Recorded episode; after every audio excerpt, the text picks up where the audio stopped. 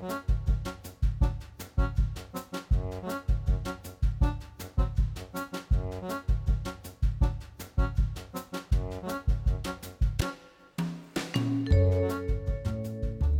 sæl og velkomin í mannlega þáttin. Í dag er meðgudagur 18. januar og við ætlum að byrja á því að hugað viðburðum dagsins í gegnum tíðina. Já, við förum aftur til ársins 1778. James Cook fann Hawaii eigjar fyrstur Evrópumanna svo vita sé og nefndi þær Sandvíkur eigjar. Þetta er alltaf sant svo fyndið þegar það talað um einhverja að fundið eitthvað það sem að fullta fólki bjó. Einmitt, mjög sérstakt. Já. En árið 1892 held Elisabeth Katie Stanton ræðuna einsemt sálarinnar í bandaríkjaþingi. Þar sem hún færði rauk fyrir kostningarétti kvenna. Það hefur verið mikið vægt skref. Já, og þetta er svolítið flottu títill, einsemt sálarinnar. Mm. Hotel Borg tók til starfa á þessum degi árið 1930 og eigandi hotelsins var Jóhannes Jósefsson glímukappi sem að eftir það var kallaður Jóhannes á Borg. Já, ég held við þurfum sérstakann þátt um þennan mann. Já, við höfum flutt e, gamalt viðtal við hann í þættinum sem Mm. var alveg stórkostlegt að heyra sem er tekið einhver staðar hvort það var á sjötta áratögnum. Já. En árið 1969 var stórbrunni á Korpúlstöðu. Já, og árið 1997 uh, á þessum degi norski æfintýramæðurinn Börge Úsland uh, var fyrstur til að komast yfir Suðskautslandið einn og án aðstóðar. Mm Og ymsir hafa reynt það síðar. Já, já. Og árið 2003 var Íslendingabók opnuð almenningi. Já, það var merkilegt að geta bara flett upp alveg eh, langt aftur í Mm aldir. Já, fyrst var sko hægt að tengja við, já, langt aftur en núna er ekki hægt að sjá, já, mikið, er búið að takmarka þetta. Já, Mm já, ég hef ekki farið þannig svolítið tíma. Eh, En í efni þáttanins í dag við ætlum að forvitnast um ráðstefnu sem haldin verður í hörpu um öndun, kulda, streitu og seglu.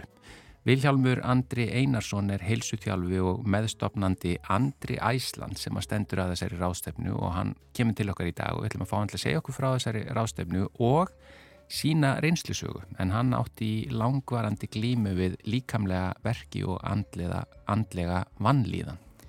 Já, og við hugum að annar lið og geðrækt og því í dag fer fram málþing á vegum mentavísindarsviðs Háskóla Íslands þar sem fjalla verður mikilvægi félags- og tilfinningahæfni í skóla og frístundastarfi. Það verður líka kynntar mögulegar innleðingar á geðrækt í skólastarf á samt kynningum á velunaverkefnum sem byggja á nálgun í ákvæðra sálfræði. Þeir ætla að koma til okkar Bryndís Jóna Jónsdóttir, aðjungt á mentavísindarsviði og eitt skipulegjanda málþingsins og Dóra Guðrún Guðmundsdóttir, sviðstjóri Líðheilsusviðs hjá Embatti Landlæknis og kennslustjóri í diplómanámi í ákvæðri sálfræði við endurmöntun Háskóla Íslands. Já, uh, svo fáum við postkort frá Magnús R. Einarsinni og í postkorti dagsins uh, inniheldur, uh, postkort dagsins inniheldur hugleðingar Magnúsar um framtíðar spár sem eru mikið stundaður um áramót. Hann segir frá stjörnuspekinni sem er ennþá förðurlega mikið notuð uh, af fjölda fólks, það er að segja hans mati, til að sjá fyrir hvernig hlutir munu þróast í nánustu framtíð og hann segir líka frá uppgjöri tónlistarársins 2022 sem honum finnst að flestu leiti sína einsleitni og takmarkaða yfir sín. Það er aldeilis. Já, stóra skoðinir í Já, postkorti dagsins. En að því við vorum að rifja upp að þessi ræða sem hún held hún Elizabeth Katie Stanton uh, í bandaríkjaþingi árið 1892 á þessum degi sem að kallaðist á íslensku einsemt sálarinnar þá henni til heiðus er fyrsta lag þáttarins. Já. Það er Snorri Helgason sem að syngur uh, lag sitt og Guðmundar Óskar Guðmundssonar uh, sem heitir einmitt einsemt.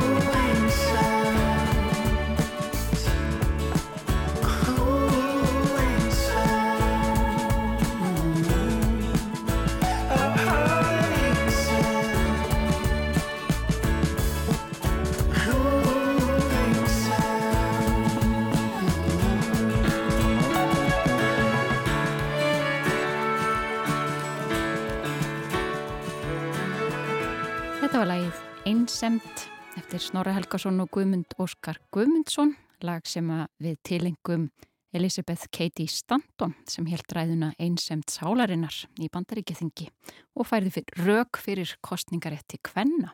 En þá snúum við okkur að fyrsta mála dáskrá. Já, eh, eins og við sögum frá því upphafi, þá er það þessi eh, ráðstefna í hörpu um öndun, kulda, streitu og siglu sem fer fram í februar og hingaði komin Vilhjálmur Andri Einarsson, heilsuþjálfi og meðstofnandi Andri Æsland sem einmitt stendur fyrir þessari ráðstefnu. Velkomin í manlega þáttu. Jú, takk fyrir það, takk fyrir það. Byrjum aðeins bara á því að, að því þetta er margt áhugavert þarna öndun og kuldi og streita og við nú eru svo margir sem fari í sjópuð og alls konar slíkt og, og Wim mm. Hof hefur uh, margir að verða að fylgjast með þeim fræðum og honum. Uh, en fáum aðeins þína sögu hvernig þú ratar inn í þetta því að þú varst búin að vera að glýma við erfileika ekki sett Jú, alls konar erfileika ég, sko, sem krakki þá var ég mjög, mjög aktífur, ég þarf að segja mjög virkur, mjög gaman hjá mér og verið fimmleikum og það er gaman að þetta sem ég var að gera. Skólaganga mín gekk mjög illa. Ég var með lesblindu og átti erfitt með einbita mér. Þannig að það hafði svolítið áhrif á mann. Ég, man, ég var að breyta einhvernum þegar ég var að koma heim og fleira. Mm -hmm. breyta, þú veist, þreymur í átta og svona veist, og þetta, þetta hefur áhrif á streitu í kervonum á manni. Mm -hmm. og þannig að ég gerðist mér bara svona töffarinn í bekknum í staðina því ég var sterkur og fimmleikum og svona. En ég lendi slísir í 13 ára gammal þetta á milli hæða og með þeim afleggingum að það skemmist eitthvað í mænutaglinu það kom ekki ljós fyrir en áratugum setna þannig að ég þurfti að hætta skemmtin, já, já. þannig að ég var í stöður í leit af hvað var í gangi, ég þurfti að hætti fimmleikonum ég var haldur eftir hálftíma ég var að lappa, byrjaði að þróa með mér þunglind og kvíða hægt og rólega út af þessu að þetta hefði áhrif á mann. Mm -hmm. og, og, og svo bara leið tímin meir og meir og meir og ég fór að nota áfengi bara til þess að deyfa niður bæði andlega og líkanlegu verki og við vorum alltaf að leita, að reyna að finna eitthvað til þess að finna út hvað væri að mér mm. hvað væri að mér, getur þú lagað mig, getur þú og það fannst ekki neitt þegar ég er 18 ára gammal þá missi ég fæðið minn og ekki hjálpaði það með allt sem ég var búin að vera að glíma við þannig að það var bara meiri áfengisnisla meiri svona bara umíkja ég allt raunverulegt mm. og, og þetta leið svo bara í nokkra ára tíu kynnis mínu fyrirverandi þegar ég voru mjög ung á með henni eina 21 ás og, og eina nýjara og hvernig ég óluf að 21 ás var þetta bara umulegt að því að ég ég var alltaf verkjaður, pyrraður í vondurskapi og mm. að það var eitthvað, þá var bara inn í herbyggi með þig, bara þessi.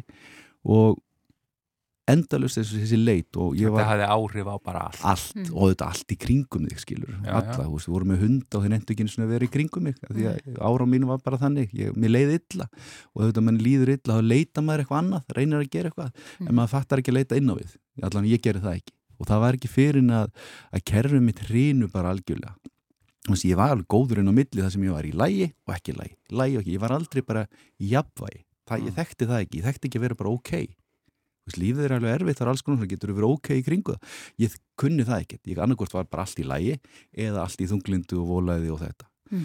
Og það var ekki fyrir að kerfið mitt svo hrínur algjörlega bara, endur på spítala þegar ég veit að tíu daga með mér í einhverjum rannsóknum fram og tilbaka og enda þá að senda upp á grensás, það sem er greina mig með skemmt í mænutaglinu og þá byrjaðu þetta bara að, að gefa mér alls konar lif og þau hjálpuðu öll en svo var þetta orðið bara lifja súpa ég hef komið lifið öllu, ég hef með alla greiningarnar. Ég hef með ADHD, ég hef með svona ég hef með út á mænuskáðan, ég hef að taka þetta lif bladran á mig var að stækka upp í einna hálfa lítir, ég hef taka lifið því það var líðið um einu svona dag, þetta var bara það var ekki sérlega skemmtilegt, svona orðað þannig. Já, mikil, mikil svona önnur áhrif, auka áhrif Algjörlega, algjörlega. Og, og svo réttlegt ég þetta allt að því að veist, þetta virka fyrir þessu, þú veist, að taka þetta út af þessu og svona og svona og svona. Mm. og ég var að skilja á þessum tíma líka. Og hérna það var ekki fyrir að að kerrum mitt eins og ég segi, ég var komin á þann stað að ég mér langaði ekki að vera til lengur.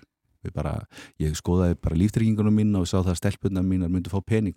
Og aðlega þessi yngri mína þegar ég hugsaði með mér, ég ætla ekki aðlup mína yngri eins og ég ólup mína eldri ég ætla ekki, ég ætla ekki, bara, ég ætla ekki að setja það á neitt og, og enn sem betur fer þá, þá hérna var mér bent á vimm og faðferðafræðina og ég hugsaði bara hvað er þetta?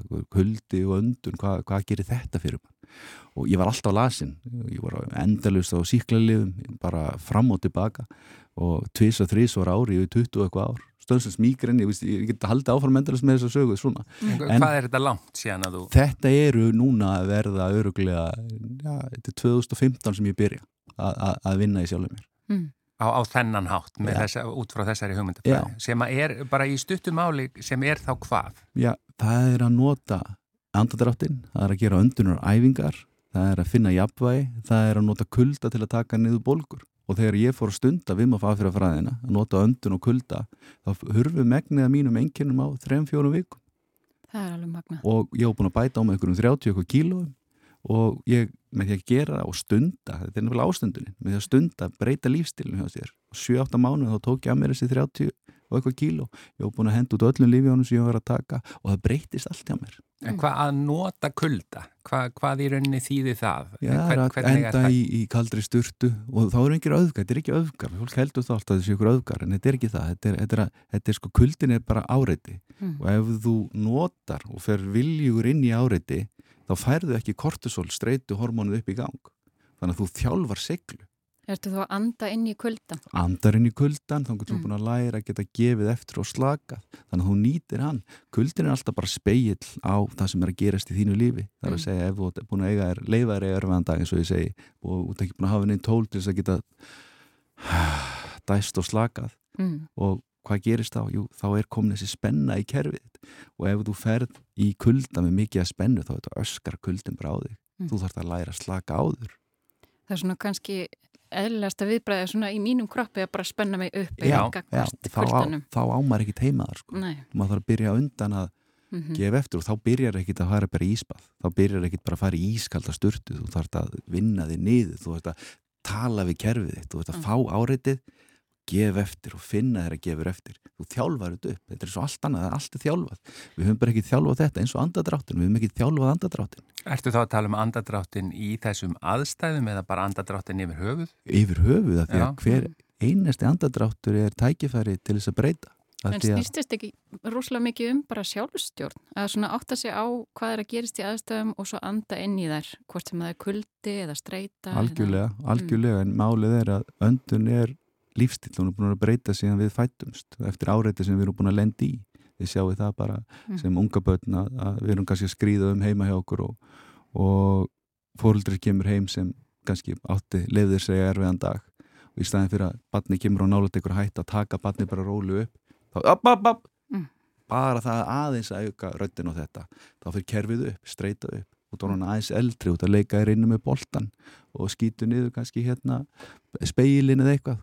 Og fóröldri sem var ekki jafnvæg kemur og í staðin fyrir að koma og segja heyrðu, kontu hérna, þetta er kannski betra að vera með boltan bara úti. Við, við lærum að, sko, þetta er allt í læg, við höfum ekki ágjörð að þessu.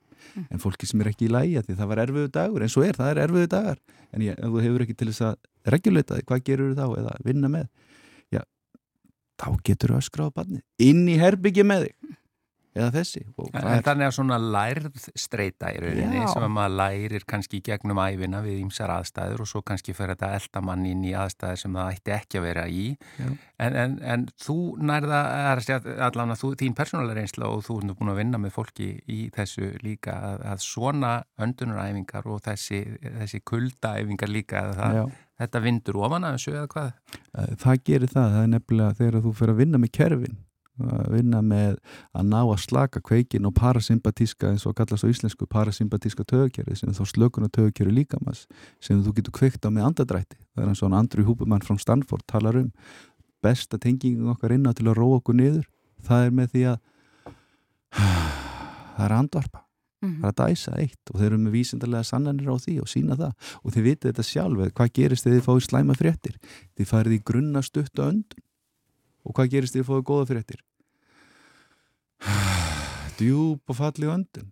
Mm. en við höfum alltaf tækifæri. Við, við getum alltaf farið í djúb og falli öndun þó að fréttum þessu slæmar. Og þá hægir nýra á hjarslættinu þú jafnar kerfið og þú færð ekki kortisol spæk upp eða kortisol upp sem veldur því að ónæmiskerfið það að pása ræðis mm. og þá er meiri líkur að þú verið lasin. Ég var alltaf lasin, ég hætti að vera lasin eftir ég byrjaði að anda og kæla eina sem gerðist ég fór í mér að jafnvæg ekkit annað, þetta er ekkit eitthvað sjálflega flóki en ég vann að því En núna þegar þið líður þetta mikið betur uh, og, ert, og eftir þessa ástundun, en ég meina hver er ástundun þín í dag? Ertu hvað er til dæmis bara á venjulegum degi að fara mikil uh, hugsun eða einbending eða tími í, í þetta? Er þetta til dæmis bara kuldin eða, eða öndunaræfingar eða annað slíkt? Já, það er, það er eins og í mínu tilveikli þá þetta vinn ég við þetta. Já. og ég er alltaf að tala um þetta. Við mm -hmm. fólk er að minna fólk á þetta og automatist er ég að minna sjálf og mig á það. En ég hitti mannum daginn sem var á námskeiði hjá mig fyrir nokkur mánu síðan með konunum sinni og mikil streyta hjá honum og konunars líka.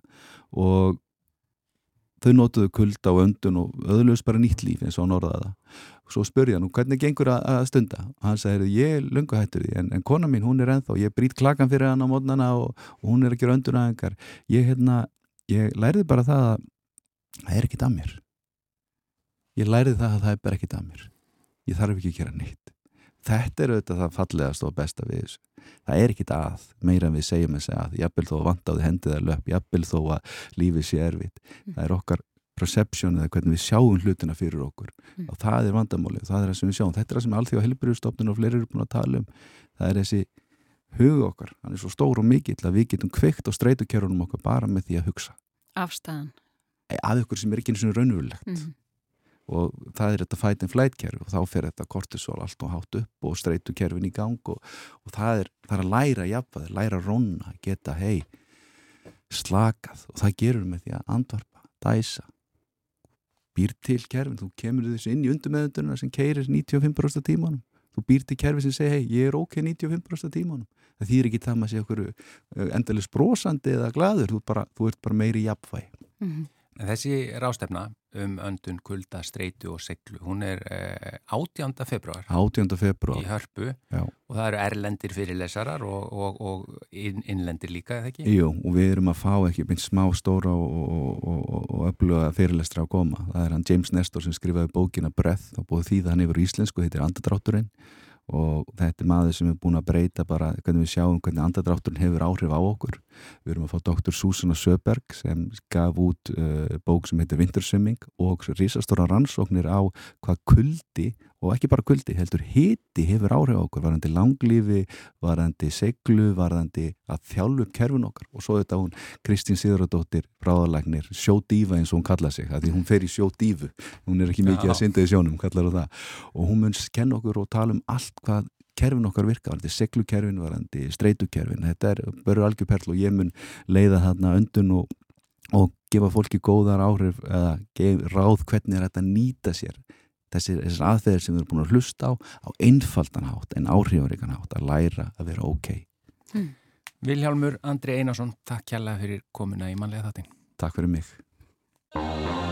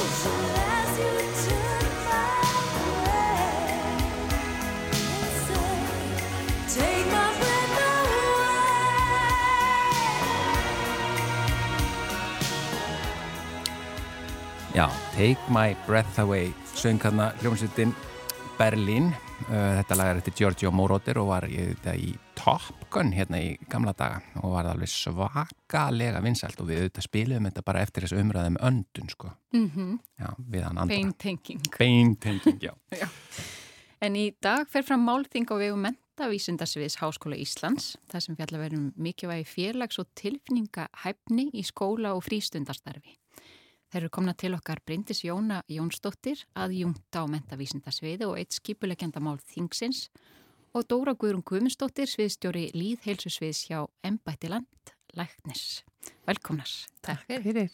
Bryndis Jóna, þú kannski byrjar á því að segja okkur aðeins af málþinginu og helstu efnistökum. Já, það er kannski rétt að taka fram að, að hérna, þetta málþing er haldið í samstarfi mentavísta sviðs þó sé staðsettar við ennbætti landlæknis og, og endumendun Háskóli Íslands.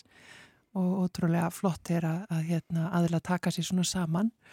Og greinilegt að, að það er mikil áhugi þarna úti fyrir þessu. En, en það sem við ætlum að fjalla um er í rauninni uh, svona mentun til farsaldar og uh, svona þátt félags- og tilfinningafærni í, í því í skóla og frístundastarfi.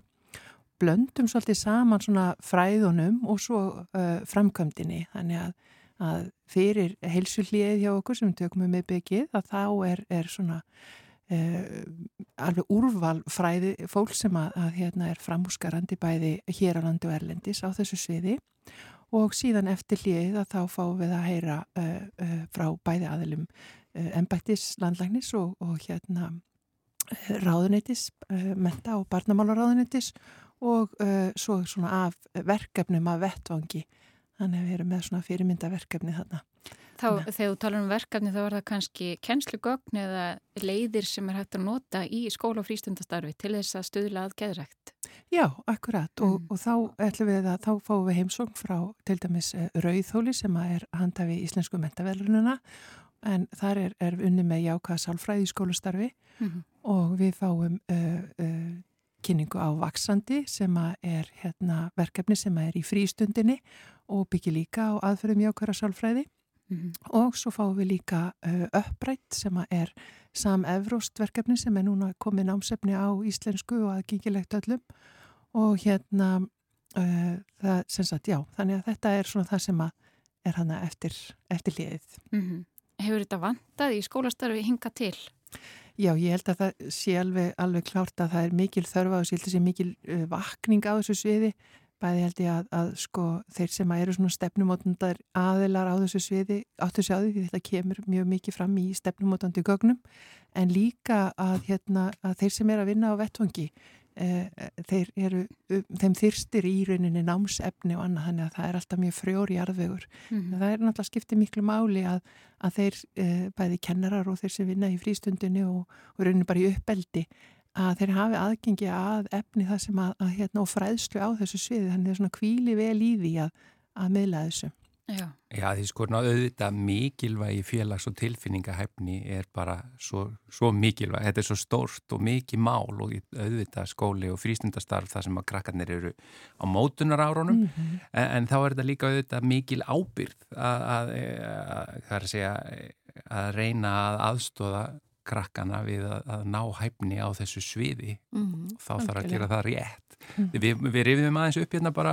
eh, hvernig til dæmis kinnfræslan var þegar ég var í skóla þá var það meira eins og bara líffræði mm -hmm. eða eitthvað slíkt. Það, ekki, það var ekki farið út í samskipti eða ja. traust eða allt slíkt eða tilfinningarnar. Nei, ég mynd. Og það er kannski svo gott að eins og Bryndi sem búið nefna þá er hérna, það er eftirspurn eftir þessu þetta og þetta kemur fram í svona stefnumótandi skjölum og í mentastefnu mm -hmm. mentastefnu Reykjavíkur að þetta er í líðhilsustefnu Reykjavíkinga og líðhilsustefnu líka sem að ég kom að bæði fyrir bara bara ríkið og hérna, og hérna fyrir hérna, sveitafjölu og mhm. styrði vinnu í Reykjavík borga þetta sem er mikilvægt þáttur en sem betur fyrir það ekki bara það að fullarna fólki er að segja þetta sem mikilvægt það sem kom er mjög ánægilega óvart var þegar við höfðum samband við ungmennaráð og spurðum þau bara hvað er það mikilvægasta sem að þið telli að við þurfum að gera í þessu samfélagi fyrir ykkur mm. og við vorum bara svona almennt þarna í líðhilsumálum mm. og þá þau voru með ungmennaþing og öllu landinu og það sem þeim þótti mikilvægast var að að þið kennið okkur félags- og tilfinningafærni í skólu. Mm -hmm. Þannig að það er svo flott að þau líka, þau, þau fatta þetta veist, og þau, þau kalla eftir þessu. Mm -hmm. Og við erum orðin miklu opnar að tala um tilfinningar.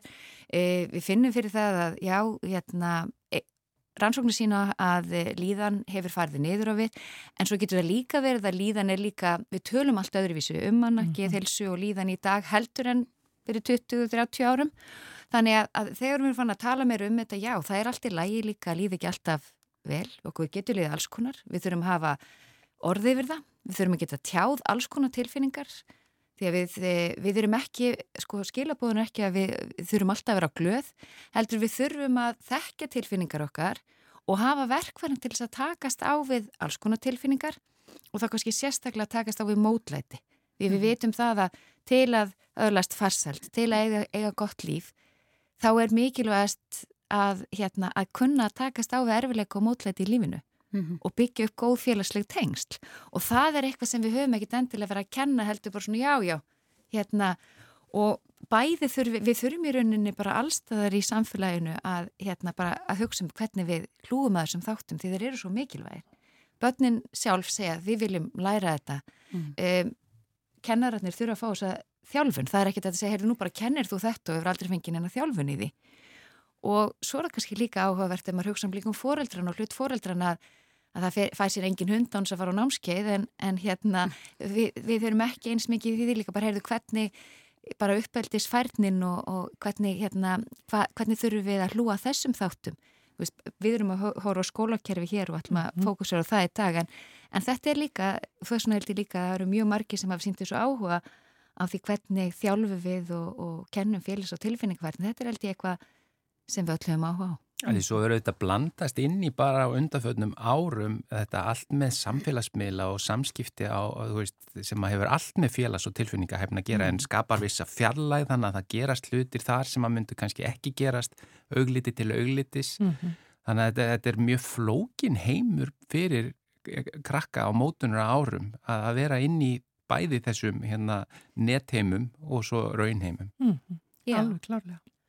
Og þurfa að fá einhver uppbyggileg svona verkfæri og samtal um þetta. Þú veist bara mm. einhvern veginn að þetta er eitthvað nýtt og svo er það kannski erfitt að, að, að bæði fóröldrar og kennarar og þeir hafa heldur ekki reynslunni í þessu þannig við þurfum svolítið að finna út úr sér hvað, hvað er reynist vel og eiga samtalið um þetta og, og átt okkur að heyrðu hvað áhrif hefur þetta okkur, hvernig, hvernig líður mér varandi þetta hvað er það sem að lætu mig líða illa mm. veist, bara hvernig tekst ég á við það hvað er gott fyrir mig og hérna og hvað ekki þannig að við, að við getum með mitt í staðin fyrir að vera hrætt við þetta og herðu náttúrulega bara að banna þetta, að loka á þetta veist, hvernig getum við líka tekist á við breytingar sem að verða í samfélaginu sem verður öruglega áfram á uppbyggilegan hátt. Ja, að mhm. vera að tala um að, að kynna mögulegar innleðingar á geðrækt mm. í skólastarf, mm -hmm. þar að segja í, í, í texta hérna um málþingið. Mm -hmm. Er sko, er verið að meina að, að þetta verði sér fag eða er verið að meina innleiðing inn í bara nánast alla kennslu?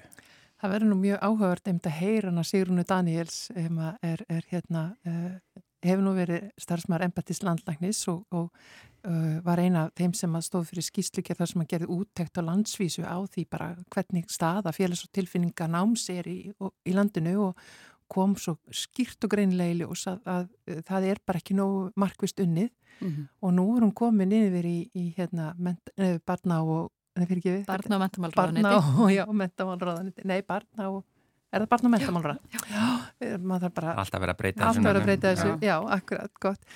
Og er akkurat að, að skoða þessa þætti þar, það er hennar verkefni þar, að, að skoða hvernig er best að vinna með þetta í skólastarfi. Þannig að það er mjög áhugavert. Þannig er virkilega verið að stíga ákveðin skref í þessa átt. Mm -hmm. og, og hérna, þannig ég hlaka mikið til að heyra hvað hún segir okkur um það. Þannig er um að gera að hlusta í dag. Þetta er náttúrulega bæði, málþinginu er bæði streymt Þannig að fólk getur nálgastæði á Facebookar viðburðunum uh, að hérna streymi, aðgengja streymi og síðan verður líka tekið upp. Þannig að það er þetta ef það fólk er ekki eh, ekki löst þarna, ætlar að fara að horfa á Íslandsbyrlu við grænhöði eða eitthvað þá getur við kíkt á, kíkt á þetta setna og það verður að fara yfir í rauninu öll stegin náms alveg frá leikskóla og uppbúr Já, þetta er náttúrulega mikilvægt á öllum stegum þannig að það er það sem við erum að horfa á þingin í dag. -hmm. að, hérna, en, en enga síður uh, mikilvægt að skoða þetta bara í, í stóra samfélaginu stóra samhenginu, hvernig við viljum vinna með þetta í samfélaginu því að þessi hérna, færni að geta sett sér í spór annara,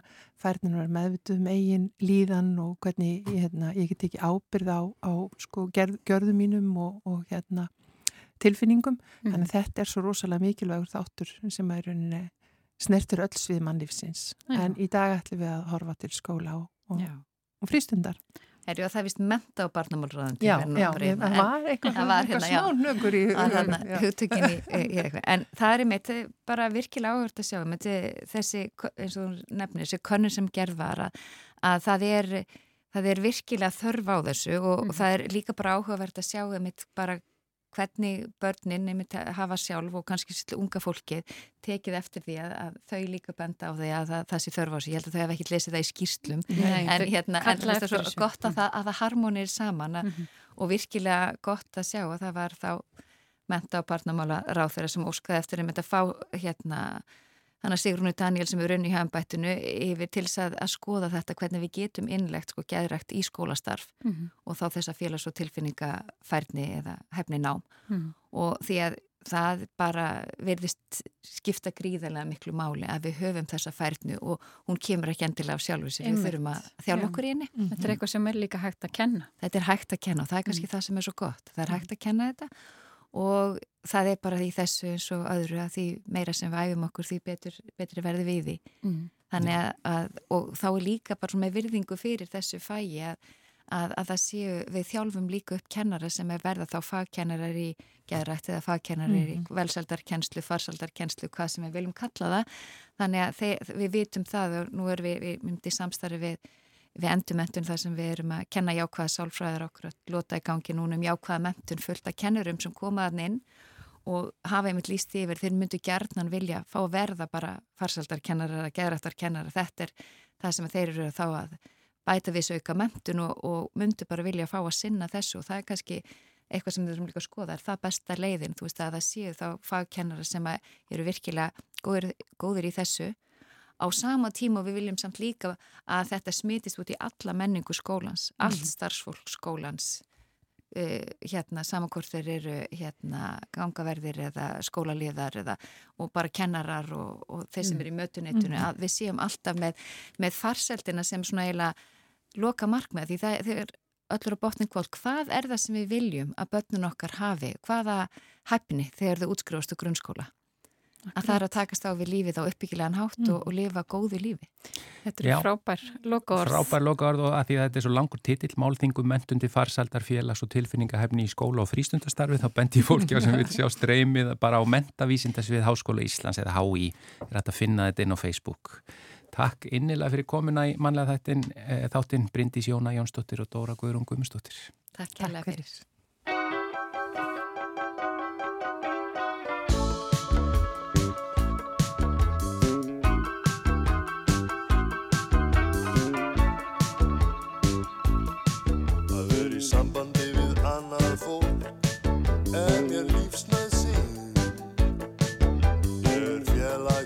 fyrir. stæla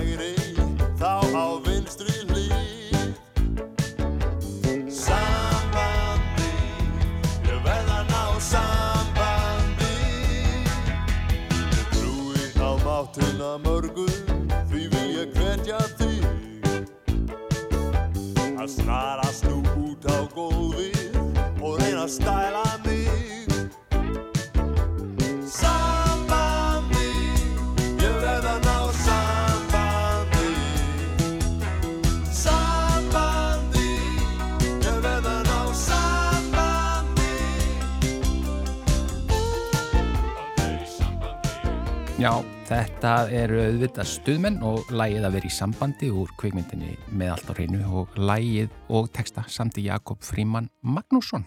Já, talandum að vera í sambandi. Það er að vera í sambandi með postkorti.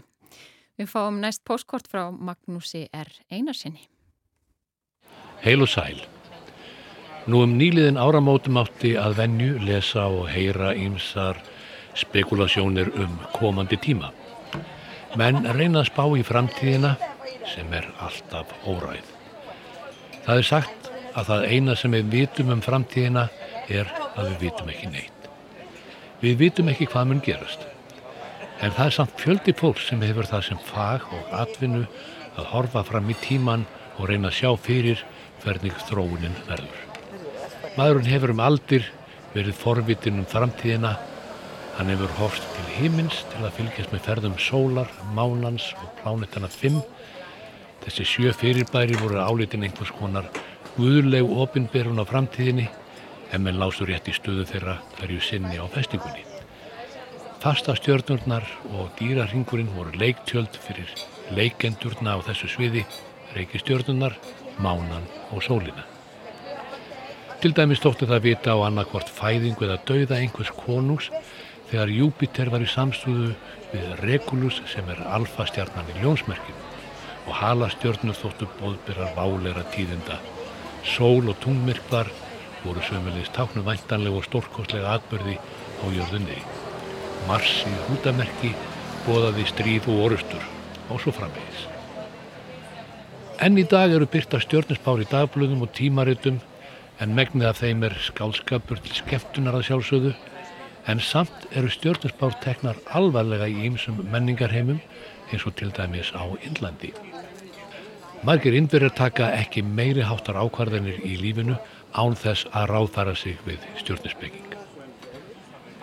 Vísindaheimurinn hafnar hins vegar stjórnusbygginni sem gerfi vísindum því hreyfingar hímyntunglana hafa engin áhrif á mannlífið og geta alls ekki hjálpað okkur til að skilja alheimin, segja vísindin. Það fór strax að dragur mætti stjórninsbygginar eftir að Galileo sannaði að jörð sveimaði kringum sólu en ekki öfugt. Í framhaldinu reyndist auðvelt að rekna út ferðir reykistjarnana hár nákvæmt þúsundir ára fram og aftur í tíman. Öll svo umferð sem og sól og tungvirkvar var fyrir sjáanleg og gæti ekki komið neinum óvart. Samt sem áður hefur stjórninsbyggin lifað af Það er staðreind að allar helstu fjármálastofnanir veraldur höfðu stjörnusbygging á sínu snærum vel fram yfir þar síðustu aldamót. Og þegar ég sló inn Financial Astrology, fjármála stjörnusbyggi á vefsíðinu Amazon, þá komu fram 169 bækur um það efni. Já, fjármála stjörnusbyggin lifir enn góðu lífi. Til er tímaritt sem kallast Wall Street Forecaster sem byrtir spárum þróun hlutabrif og peningamarkaðar og spárnar byggir tímaritið einmitt á stjórninsbyggi. Árið 1992, 1994, 2008 var tímaritið valið sem besta spáritið á Wall Street í bandaríkjónum og var í öðru sæti árið 2002.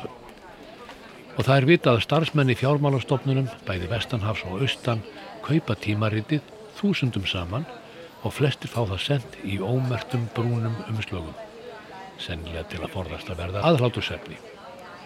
Kanski er þetta einskýringin á hennum undalugu vendingum í fjármálaheiminu. Og í byrjun setni heimstýrjaldirinnar fyrir rúmum 80 árum voru stjórnusbyggingar ránir bæði í Berlín og London til að segja fyrir um þróun stríðsins. Reyndar hafði Hitler að sögn ímyggust á dulsbyggi ímyggskunnar en fekk áhuga á stjórnusbyggi eftir að svisneskur stjórnusbyggingur Karl Ernst Kraftanafni spáði fyrir um tilræði við Hitler. Og spátumurinn rættist því 8. november 1939 sprakk sprengja í bjórkallar í München þar sem Hitler hafði flutt ræðu en yfirgefi kjallaran aðeins nokkuru mínutum áður en sprengjan sprakk. Kraft þessi hafði sendt breyf til skrifstofi Himmlers viku fyrir tilræðið og það vakti mikla aðtikli hjá topp nazistum eins og Goebbels. Goebbels réði kraft umsvifalust til vinnu við að tólka hérna hérna torræðu fersketlu spátum á Nostradamusar sem hann trúði að inni heldur stórkvöldlega fína spátuma fyrir stríðsregstur þjóðvirja. Tólkani kraft voru svo þýttar á einn sjö evrósk tungumál og dreift sem flugritum yfir helstu borgir álfunar. Þetta vakti nokkra skelvingu hjá leinithjónustu breska hersins. Þótt ótrúlegt sé þá tók yfirmenn MI5 að gruna að hinn sigursæli stríðsregstur þjóðveri í upphafi setnastríðsins byggðist ekki síst á spátumum og útrekningum stjórninsbyggingsins Karls Ernst Kraft. Einn yfirmanna bresku leinuþjónusunar, Sir Charles Hambro, ákvaða nú þyrstu breytar að hafa sinn astrológ til að sjá fyrir og spá um fyrirætlanir þjóðvira og til að gera stjórnukortum Hitler og fleiri nazistafóringja til að auðlast dýbri skilning á þeirra upplægi og þafka gangi. Maður að nafni Louis de Vaux var ráðinn til starfans. Hann var þjóðveri með gýðingablóð í æðum og hafði flúið heimalandi strax 1935. Hann setti stað í London og sló um sig með stíl og stæl. Hann var vel stæður og vinsall rítumundur. Hann hafði skrifað margar bækur í Þískalandi áður en hann flúði til Englands. Og það voru gerðar einar 16 kvikmyndir fyrir stríð upp á bókum eftir hann. Skálskapar gaf hann döðanu vel þegar að koma stjórnusbygginni og það var leið stór svíta undir hann á flottasta hóteli Lundunaborgar, Park Lane, þar sem hann setti saman stjórnukort og spátuma sem sögðu allir fyrir um ósigur þjóðveri. Spátumarnir voru prentar og flugriðt og þeim dreift yfir Þískarborgir. Churchill sendi hann meira segja til Washington til að reyna að draga Roosevelt og bandarækjumennin í stríði gegn þjóðverum og þar vakt hann nokkra aðtegli fjölmila en var ekkert úr ætlunaverkinu því forki Roosevelt nýja Churchill höfðu nokkra trú á stjórninsbyggi. En árás Japana á Pearl Harbor dugði hins vegar til að kanarnir fóru í stríðið. Eftir 1942 hættu breytar að notast við spátuma Louis de Vol því að það kom snemma í ljósa að það var ekkert að marka og ekkert stóðst af því sem hann spáði fyrir utan ósigur þjóðverja en sá spátumur var auðvitað ekkert annað en áróður. Hann átti hins vegar ágættan feril eftir stríð og varð nokkuð vinsallar rittumundur á nýjanleik og hann lést í Sviss 1961. Örlög starfsbróður hans Karls N. Kraft hjá nazistum urðu öllu daburleiri. Eftir að Rudolf Hess flög til Skotlands fjallan í ónáð og var varpað í tukthús því Hitler varð reyður út í alla dulsbygginga og sérstaklega stjörnusbygginga fyrir að hafa ekki getað séð flugið hjá Hess fyrir. Karl Ernst Kraft dós úr hittasót þegar hann var sendur í byggjanvald útrymmingabúðunar 1944. Það getur með öðrum orðum verið hreinlega lífsættulegt fyrir stjórnusbygginga að spá fyrir um óordnum hluti og ekki síst ef þau sjá þá ekki fyrir. Og um áramót eru menn ekki bara að rína í framtíðina. Það er gömul venni að líta um auksl og horfa til þess sem gerðist á liðnu ári. Það sem ég sem áhuga maður um tónlist hef rekist á nokkara greinar um tónlistar viðbörði ársins og skoðað allskynsir lista sem hafa verið byrtir um ímislegt tónlistatengt. Þá slærða mig einu sin enn hvað umfjöldunum tónlist er yfirleitt einsleitt og talmörg. Eftir lestunum gæti manni alveg fyrirgefist að halda það sé enga tónlist að finna fyrir utan hinn engilsaksneska heim Blues Ísland. Sömu leiðis mætti haldað engin tónlist utan pokkirans sé þess virði að hlusta á. Það er ljóst að við tilherum hinnum engilsaksneska menningarheimi varðandi poptónlist. Það sést á spilunarlistum út á stöðuna, það heyrist á þeim stíl sem að ungir popparar og rapparar hafa tilækka sér. Það sést líka á allir umfjöldun í fjölmunum sem eru oftast framsett af fólki sem hefur vissilega ástriðu og áhuga á viðfánsefninu en virðist oft á tíðum hafa frekar takmarkað þekkingu eða mentun í tónlist.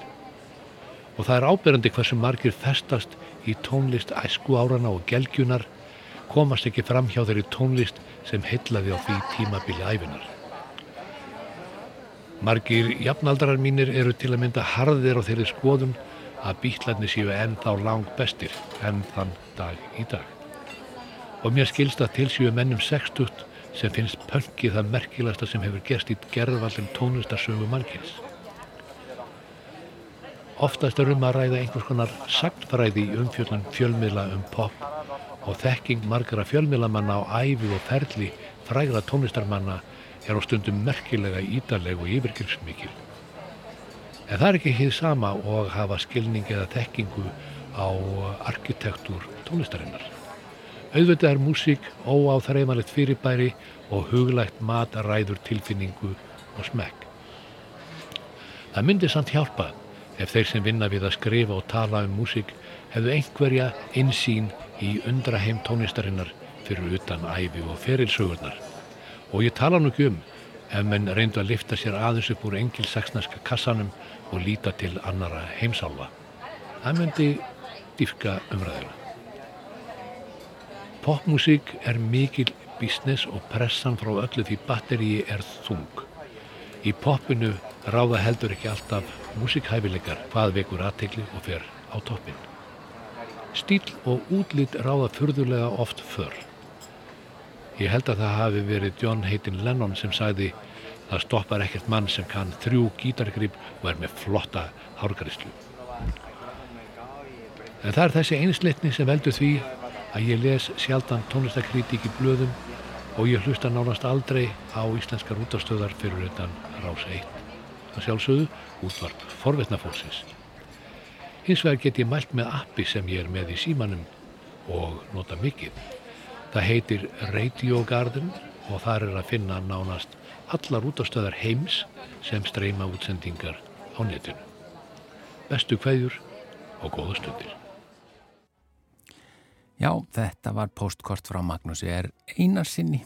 Og þá eru við bara komin að lokum þáttar í dag. Já, við þakkum innilega fyrir samfélgina og verðum hér auðvitað á sama tíma á morgun. Verðið sæl.